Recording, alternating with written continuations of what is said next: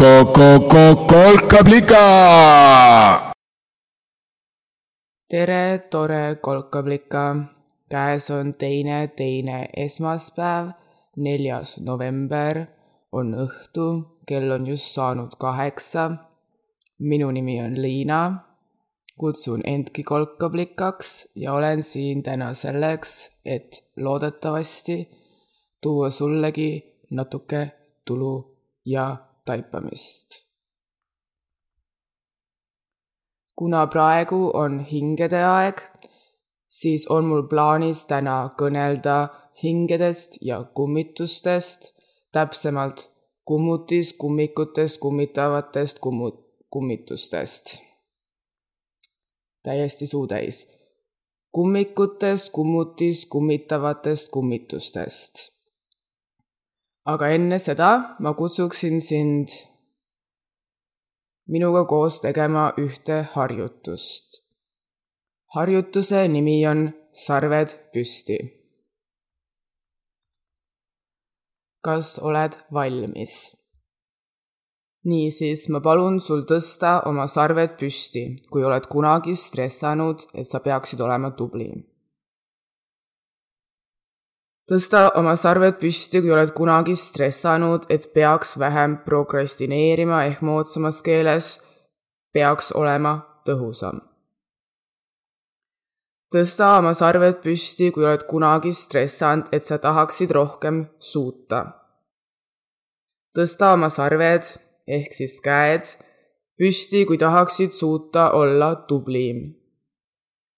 tõsta oma sarved püsti kui tahaksid suuta olla tõhusam.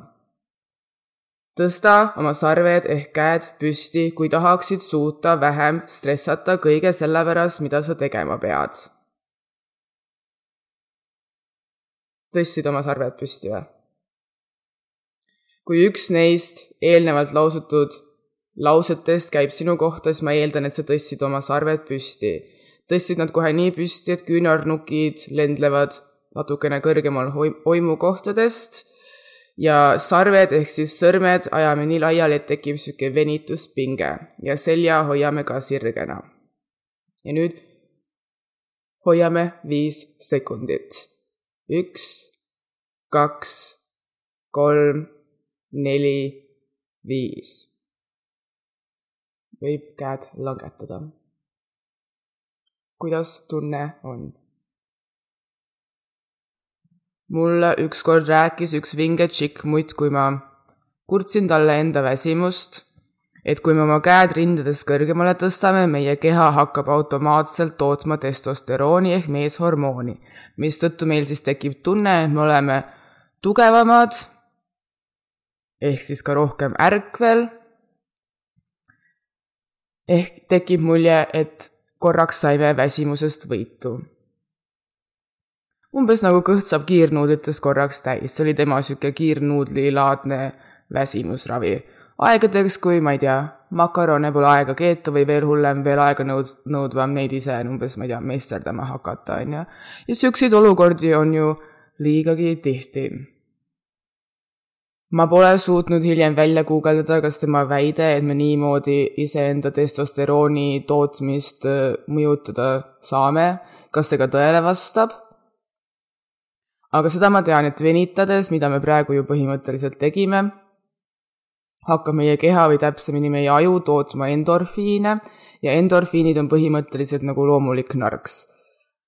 Nad vähendavad valu, nad vähendavad stressi, nad boost ivad tuju ehk üldiselt annavad jõudu. ja jõust ju tugevus tehtud ongi. lisaks endorfiinide tootmisele seostub mul püsti tõstetud kätega veel neli asja. esiteks seostub midagi, mida ma kutsuksin allaandmiseks. see on kõige tuntum politsei mänguasjakastist. teate küll, käed püsti, ole ohutu, viska relv maha, näita ette, et sa ei tee mulle midagi, politsei siis tavaliselt veel seob käed kinni, aga ma ei tea, multikates käib lihtsalt äh, käed püsti, valge lipp välja olen alla andnud. ehk esiteks allaandmine, olen ohutu. teisena seostub mulle kool ja õpetajalt õpilastele läbiviidav nii-öelda tubliduse kontrollimine ja vastupidi ka.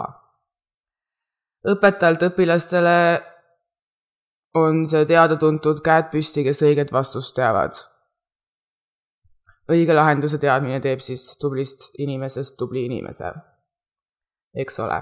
aga teistpidi ka, näiteks kui õpilasel tekib lisaküsimusi selle kohta, mida parasjagu õpetatakse, sealhulgas ka näiteks küsimus, miks ma üldse seda õppima pean, ja ta tõstab käe, et seda küsimust siis küsida, siis pannakse õpetaja proovile, kui hästi ta teab enda ainet, lisaks õppekavale, sealhulgas ka siis, kas ta tegelikult ka ise on välja mõelnud, miks tuleks tema ainet õppida.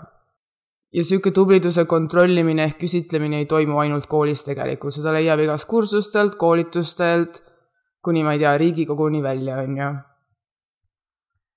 ehk teisena seostub mul käte püsti ajamisega tubliduse kontrollimine, testimine, küsitlemine, küsimuste küsimine.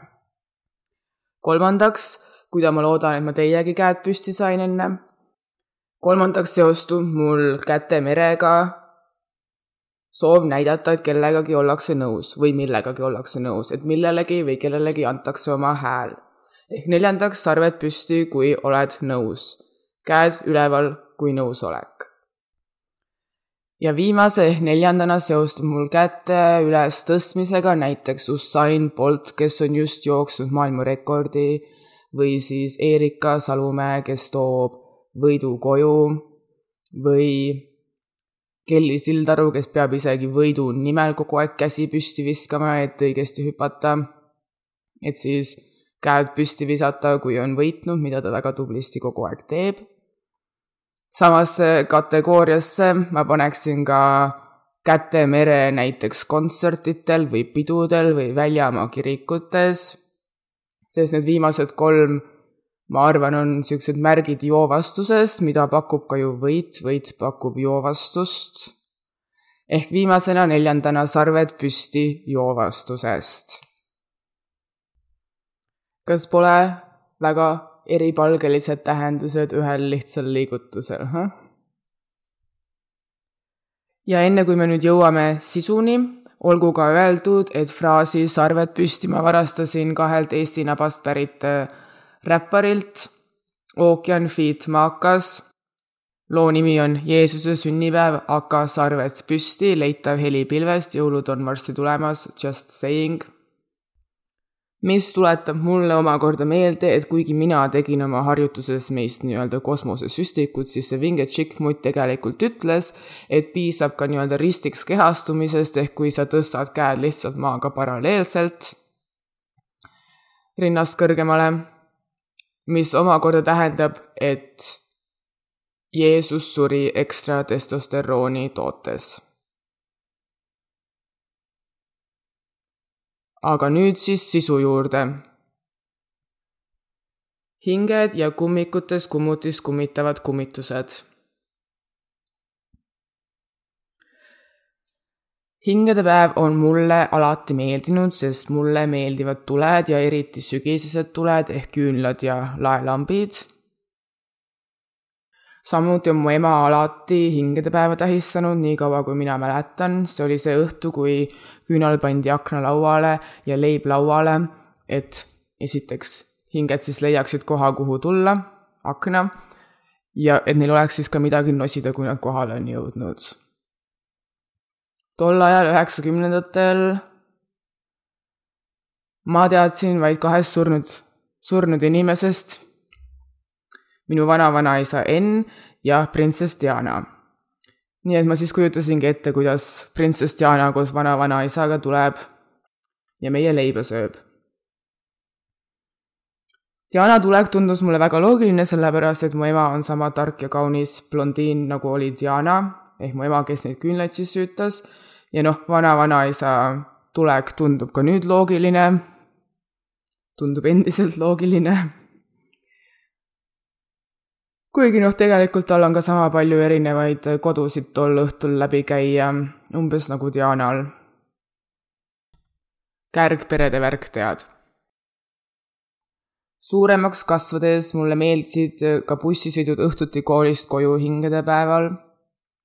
mu kodutee viis mööda surnuaiast, mis siis hingede päevaks justkui nagu maagiliselt oli muutunud tulede mereks maagiliselt, sest tavaliselt kõik ülejäänud päevad pimedas sügises, see surnuaed oli täpselt sama kottpime kui kõik ülejäänud põllud ja metsad, mille vahelt mu tee läbi viis. nii et ainus asi, mida aknast sai üldse näha, oli lihtsalt iseenda väsinud peegelpilt. aga hingede õhtul siis viirastus tänu sellele maagiale, et kõik inimesed olid üheskoos otsustanud midagi sarnast teha, nimega panna küünlad surnuaiale oma lähedaste haudadele viirastus järsku mu suurim unistus nii-öelda seal bussi akna taga. järsku tundus, et ma ei sõida enam ühest kolkast teisse, kus nagu mitte midagi vahepeal pole, sest õues on kott pime, vaid jäi mulje, et mu akna taga on suure linna tuled. umbes nagu, ma ei tea, Lasnamäe korterelamud või midagi siukest hingede aega tähistan ma siiani, just eelmine nädal jooksin igast poode läbi, et ema moodi õigeid küünlaid leida, mida siis oma aknale panna, et hinged teaks, kuhu tulla. õigeid küünlaid ma ei leidnud, sest poes absoluutselt kõik küünlad ainult lõhnevad. nii et hinged, kes mulle külla tahtsid tulla, pidid leppima vanilje või vaarikalõhnalise leegiga. see kas hirmutas neid väga ja nad ei tulnudki või tegi see need nii ekstra rõõmsaks et nad ei näinud vajadust mind häirida, sest painajad, kummitused kummikutes nad igatahes ei olnud, sest mina olen viimasel ajal maganud nagu väike beebi, kellel veel hambaid ei ole tulemas. ja ausalt öeldes ma olen selle une eest väga tänulik, sest mina ei salli unenägusid. kui ma Instagramis nüüd eelmisel nädalal ringi rullusin, ma panin tegelikult ka tähele, et surnud hingede asemel on praegu palju popim riietuda elavateks hingedeks. mis on väga lahe, mulle meeldib. minu arust on hästi oluline, et me ei unustaks praegusel ajal, kui surnud hinged külas käivad, ära ka neid elus hingi, eesotsas siis iseennast. eriti kuna meie inimesed, kes me leiutasime tule oleme otsustanud, et samal ajal, kui loodus läheb magama, puhkama, meie nüüd hakkame just tööle, nüüd hakkame siblima, nüüd läheb kiireks.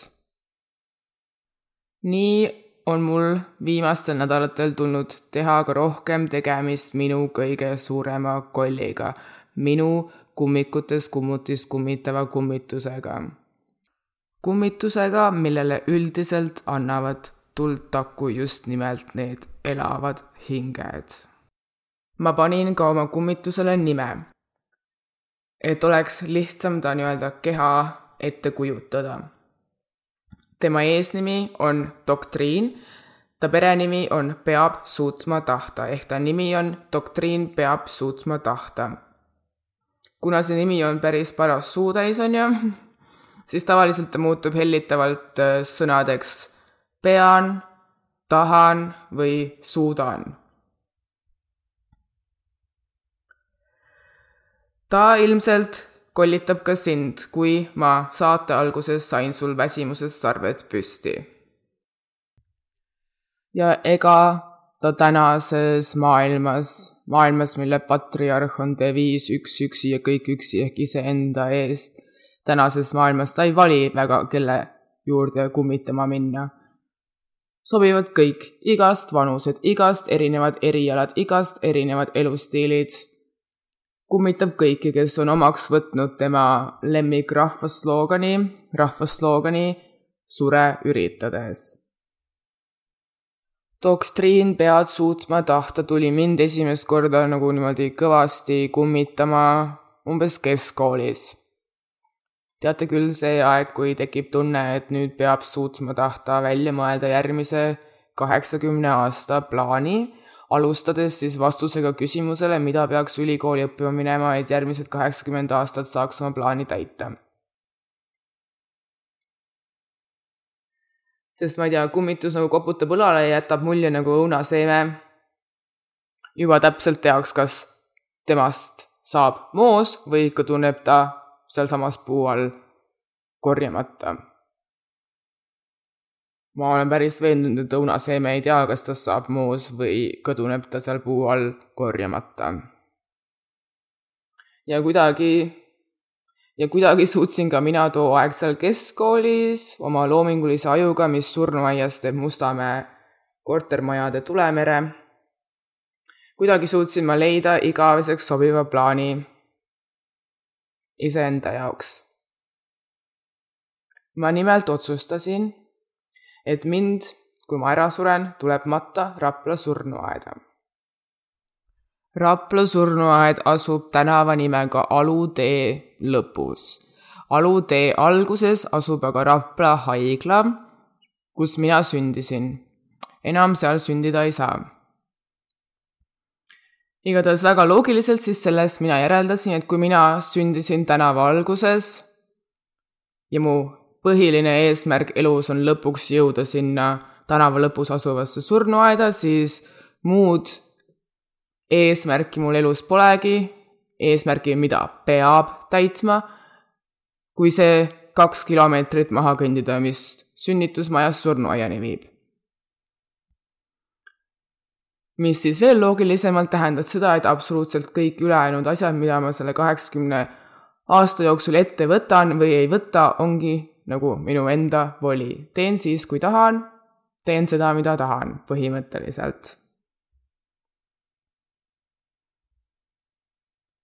ja selle otsuse meeldetuletamine on mind väga palju aidanud, kui see kummitus nimega doktriin mind jälle kummitama on tulnud. aga on ka üldisemaid lahendusi.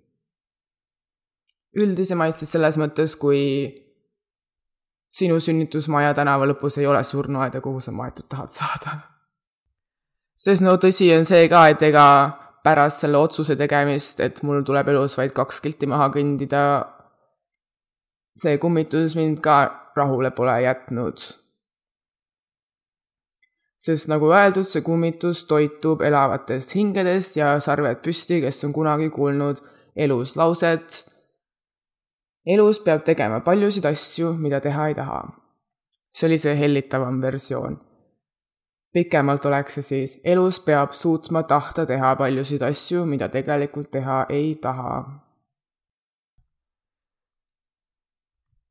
ja minu arust on tegelikult väga irooniline, et kuigi doktriini lemmikslogan on Sure üritades, ta justkui jutlustab sulle edukusest, siis on üpris tavaline, et doktriini käskudele alla vandudes võib end suht ruttu kogemata leida teelt, mille lõpus ei ole seda plastmassist lauda plastmassi pakitud koogiga, mida sa sööd plastmassist nugade ja kahvlitega, mille peal on suhkruga kirjutatud sa võitsid edukuse. Ega ole seal tee lõpus ka seda kahtlasemat kiidukõne sa surid üritades, on hoopis väga reaalne võimalus, et sa leiad ennast järsku teelt, mille lõpus sa näed vaid külanaisi sosistamas, sest ega me ju kõva häälega sellest kõnele ja külanaised sosistavad. ta üritas surra. ma isegi ütleks, et see on inimlik reaktsioon kogemata sinna teele seda kummitust kuulates jõuda. sest kui kummitust ei oleks, siis me ütleksime, et ürita elada ja ela üritades. Mitte ei postitaks Instagrami suure fondiga sure üritades. teate, mis veel on inimlik? eksimine ja mul on suht kopp ees et me kummituste all kannatajad kasutame seda alati ainult vabandusena. vabandusena, kui oleme nõrkenud käskude all ja teinud midagi vähem või valesti, võrreldes siis sellega, mida kummitus käskis. näiteks, kui me ei suuda kell kolm öösel kõikidele meilidele vastata või kui ürituses vastata kell kolm öösel meilidele, mis töö juures tulid, me vastame midagi valesti, sest kell on kolm öösel ja tegelikult peaks magama kõige parem oleks, kui veel und ka ei näeks, on ju. ja ma ei kõnele siin tegelikult eksimisest üksnes kui millegi valesti tegemisest, vaid ka eksimisest kui mitte teadmisest, kus ma praegu olen ja kuhu ma minna tahan. see on ka inimlik. ma olen ühe korra elus päriselt metsa ära eksinud. ma olin siis selles samas vanuses, kus Diana ja Enn olid ainsad hinged, kes meil hingedepäeval külas käisid. vanaema ja vanaisa kellest esimene on täpselt sama ilgelt napakalt tark ju kui mina ja kellest teine nüüdseks siis ka käib Ennu ja Dianaga hingedepäeval külas. vanaema ja vanaisa olid minu ja minu õe võtnud kaasa mingisugustele suvepäevadele kuhugi Rohuküla kanti. meil oli lubatud, et me lähme mere äärde ja kohale jõudes tuli välja, et laagriplats oli kuskil keset metsa. nii et äh, kärsitu väike mina kes väga tahtis merd näha, suutsin äh, ära veenda vanaema ja vanaisa, et praegu kohe just nüüd, kui teie seda telki üles panete, on minul vaja võtta oma väike õde Mari kaasa ja minna seda merd otsima. mere me ka üles leidsime või noh, õigemini kuskil pillirohu tagant nägime paari äh, Rohuküla praami korstent. jama läks lahti siis, kui hakkasime minema tagasi Liina, kas sa ikka mäletad seda küngast, kus me praegu just üle tulime? Liina, kas see puu tundub sulle ka tuttav? Liina, sõin oli sihuke aas, on ju? mina muudkui vastan Marile muidugi, muidugi, muidugi ise peas juba riidlen ennast vanaema häälega. sest noh, ilmselgelt me tegelikult ei näinud seda küngast ega seda puud ega seda aasa, ma üldse ei tea tegelikult, kus me praegu oleme. aga noh, oma väiksele, väiksele, väiksele õele, kes tol ajal tundus mulle palju, palju, palju, palju väiksem minust, kui ta tegelikult on, meil on kaks ja pool aastat vahet. ei taha ju nagu kurbust valmistada ja ta pigem siis arvab, et me ei ole eksinud ja ta suur õde teab täpselt, kuhu ta viib teda. noh, pika loo lõpuks me ikkagi leidsime üles oma vanaema ja vanaisa, kes olid juba tulnud meid otsima ja ma olen ka üpris kindel, et riielda sain ma neilt mõlemalt, aga siiski ma läksin koju sealt suvelaagrist võidutundega. ma läksin koju võidutundega, sest seal metsas eksinud olles me olime leidnud ühe värava, sealt väravast julgenud sisse minna ja isegi olin julgenud koputada uksele. Ja sellelt tädilt, kes ukse siis avas, julgenud talt abi paluda ehk ma olin julgenud võõra inimese käest abi paluda. mis minu puhul oli väga suur julgustükk ja siiamaani vahel on, sest ma olen niisugune rohkem sissepoole vaataja, ehk üldiselt teised inimesed või võõrad inimesed on mul väga tihti, väga tihti pigem hirmu kui põnevuse allikad. ja oi, kuidas mulle meeldiks mõelda, et see oli ka see hetk, kus mina sain aru, et eksimine on inimlik ja eksimine on okei okay ja eksimisest leiab väljapääsu ja tihti see, et see, tihti see väljapääs on üldse mingi palju ägedam kolmas tee, aga see oleks niisugune keskakirjandlik järeldus, ehk siis see, kui Ubin üritab äh, väga detailselt kirjeldada, kuidas äh, tema väga kena värvilist keha moosi sisse tükkideks lõigatakse, kui tegelikult äh, ubin lõpetab seal puu all ja keegi teda ei korjagi, on ju. ehk ma siin ütleksin kommentaarina vaid, et kordamine on tarkuse ema. mida ma ka ehk ütleksin selle esimese eksimise kohta, oli see, et tookord ma äkki nägin esimest korda midagi, millest mul on hiljem tulnud väga palju tulu. ma nägin esimest korda oma julguse suurust, nägin julguse suurust hädaolukordades astuda üle oma hirmudest. ja tundsin siis äkki esimest korda ka seda joovastust, joovastust, mis tuleb, kui astuda oma hirmudest üle aga kui tulla nüüd tagasi minu kummituse doktriin pead suutma tahta juurde siis mind on tegelikult alati kõige rohkem tõmmanud kõveraks tema puhul see, et kui hakata neid käske kuulama nii-öelda kõrvale astunud positsioonilt, need käsud viivad alati ainult ühte kohta. Spoiler alert. Need käsud viivad sinna plastmassist laua taha plastiknõudega plastmassi pakitud kooki sööma.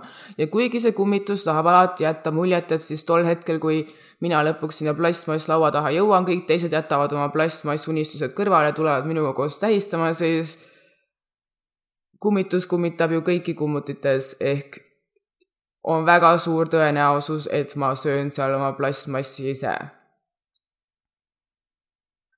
ja see on ju igav. väga igav.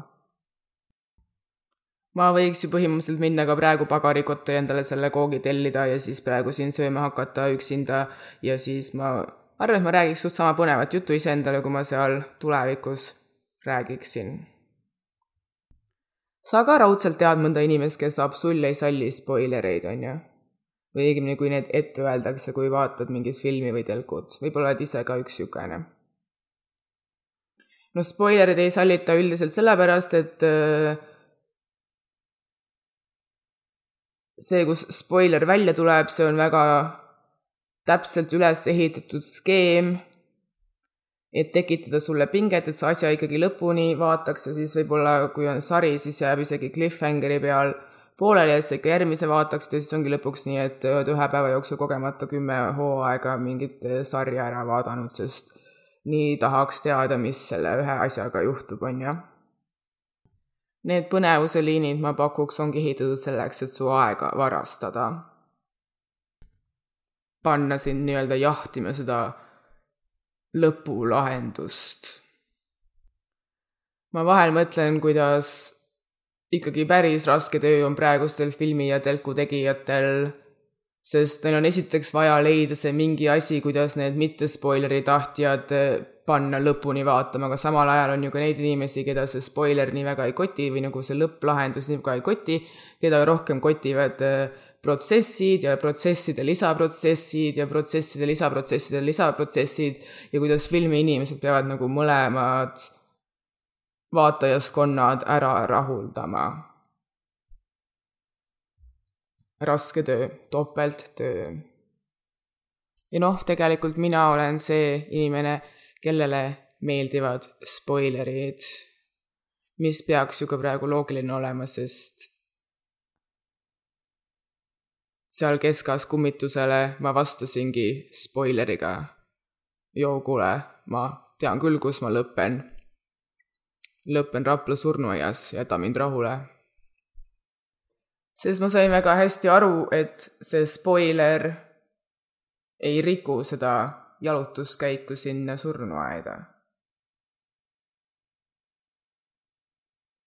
avab lihtsalt palju rohkem tähelepanu, tähelepanu ja nautimist protsessides protsesside nautimist. kuigi ma pean ütlema, kuigi tuleb öelda ka, et ma oleks väga hea meelega tegelikult laupäeval sinna surnuaeda läinud, et ka maagiliselt ise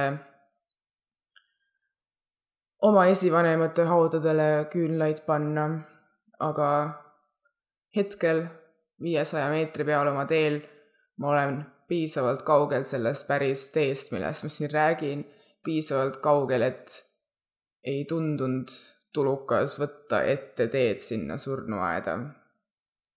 Ja sellepärast oli nagu eriti oluline leida küünlad, et need aknalauale panna. nii et lõpetuseks ma äkki, nii et lõpetuseks ma äkki lihtsalt pakuks välja, et igavuse vastand ei ole alati üksnes see lihtne põnevus. see lihtne põnevus, mis meelt lahutab. Et siis minna tagasi kummituse käskude juurde. lahutatud meelega. igavuse teine vastand võib väga tihti ollagi just nimelt see hirm see hirm, millest me arvame, et me ei julge üle astuda, sest äkki viib see meid mingisugusele eksiteele. kui sellele hirmule otsa vaadata ja talle ka näiteks nimi panna, nagu panin mina nime oma kummitusele, doktriin muideks sõnana tähendab üldkehtivaks seatavat juhtmõtet või teooriat. ja ega tegelikult pead suutma tahta pole ka minu enda leiutis, sest suure osa ajast ma ka tegelikult vaatan maailma umbes nagu DJ kuulab muusikat, võtan siit ühe tüki ja sealt ühe tüki ja siis panen kokku nagu kolmanda tüki. igatahes ma arvan, et kui oma hirmudele otsa vaadata ja neile nimed anda, siis on väga suur võimalus, et nad üpris ruttu muutuvad next level põnevuseks, selleks põnevuseks, mis üksnes ei lahuta meelt, vaid ka lohutab meelt ja äkki siis äh, paneb ka põlema ajus või südames, ma ei tea, kumba sa eelistad, paneb põlema mingi toreda tulukese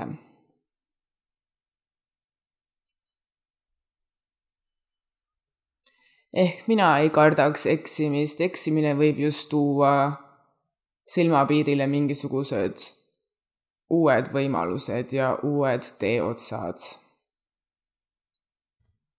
uued võimalikkused. ehk oma tänase kummitussaate lõpuks ma pakuks, et lisaks mu ema põlvkonna Jaan Tätte kuulamisele, kes äh, laulab, kuidas me ojakesena lähme voolame suurde jõkke ja siis see jõgi jõuab sinna merre, mis nüüd plastikut on täis. et lisaks temale me võiksime võtta kuulda ka minu põlvkonna Jaan Tätet, kes laulab eksi metsa, eksi ära jäta alles silmasära, sest kui sa oled eksinud, seal kindlasti on värav, kui on alles silmasära.